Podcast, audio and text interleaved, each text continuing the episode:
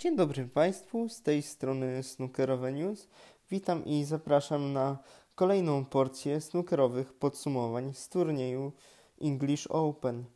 To był naprawdę czarny czwartek dla większości snookerzystów z top 16. Z turnieju odpadli e, Neil Robertson, Sean Murphy, Ronnie O'Sullivan i Jet Trump. I co ciekawe, to nie była tylko i wyłącznie wina ich złej gry. Naprawdę ci pretendenci spisali się y, naprawdę dobrze we wszystkich elementach gry. Mam tutaj y, na myśli szczególnie Lee Walkera, który pokonał mistrza świata Jada Trumpa w imponującym stylu.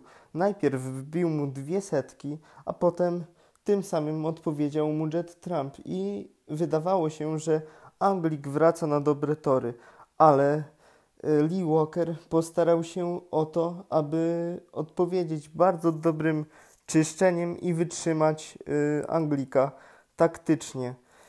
Po bardzo decydującym deciderze zakończonym na kolorach, e, gdzie panowie bili się w cudzysłowie na, na brązowej i tutaj bardzo wielką dojrzałością taktyczną wykazał się Walijczyk, wygrał i osiągnął ćwierćfinał po raz pierwszy od 25 lat.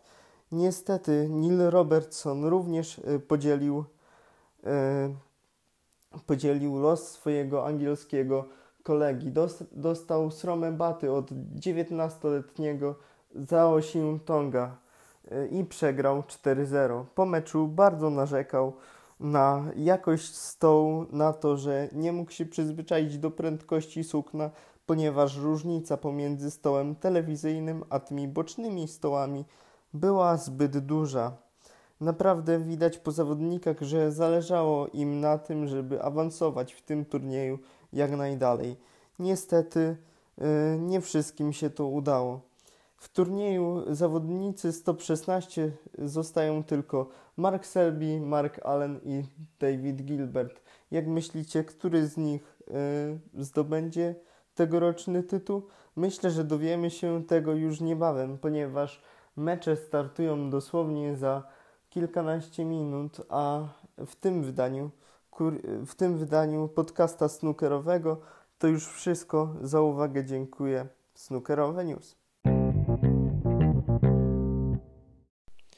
Jako podskryptum można dodać, że losy y, top 16 podzielił również pięciokrotny mistrz świata Ronnie O'Sullivan. On również nie uchronił się od porażki.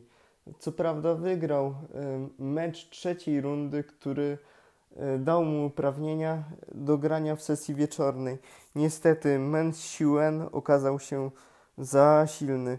Chiński zawodnik naprawdę dobrze znosił y, y, trudy spotkania z O'Sullivanem, wytrzymywał go taktycznie i przede wszystkim nie bał się punktować, co było widać y, szczególnie w decydującej partii, kiedy trzeba było podjąć ryzyko, Chin, Chińczyk po prostu to robił i to on, niezależnie od tego, w jakiej formie był Ronnie O'Sullivan, sprawił ogromną niespodziankę i y, wyeliminował mm, faworyta publiczności numer jeden do zwycięstwa całego turnieju.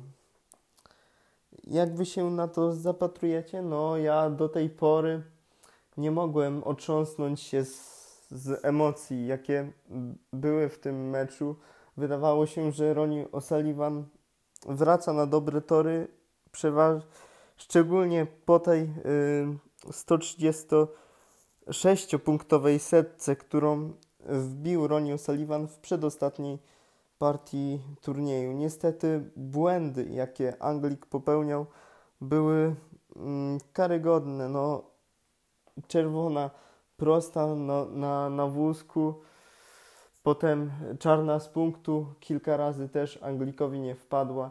I to partia piąta, myślę, była tą czarną partią, która zadecydowała o tym, że Nie mamy Anglika w turnieju i co ciekawe, nie może on już się bić o wyrównanie rekordu Stevena Henry'ego w tytułach, w liczbie tytułów rankingowych.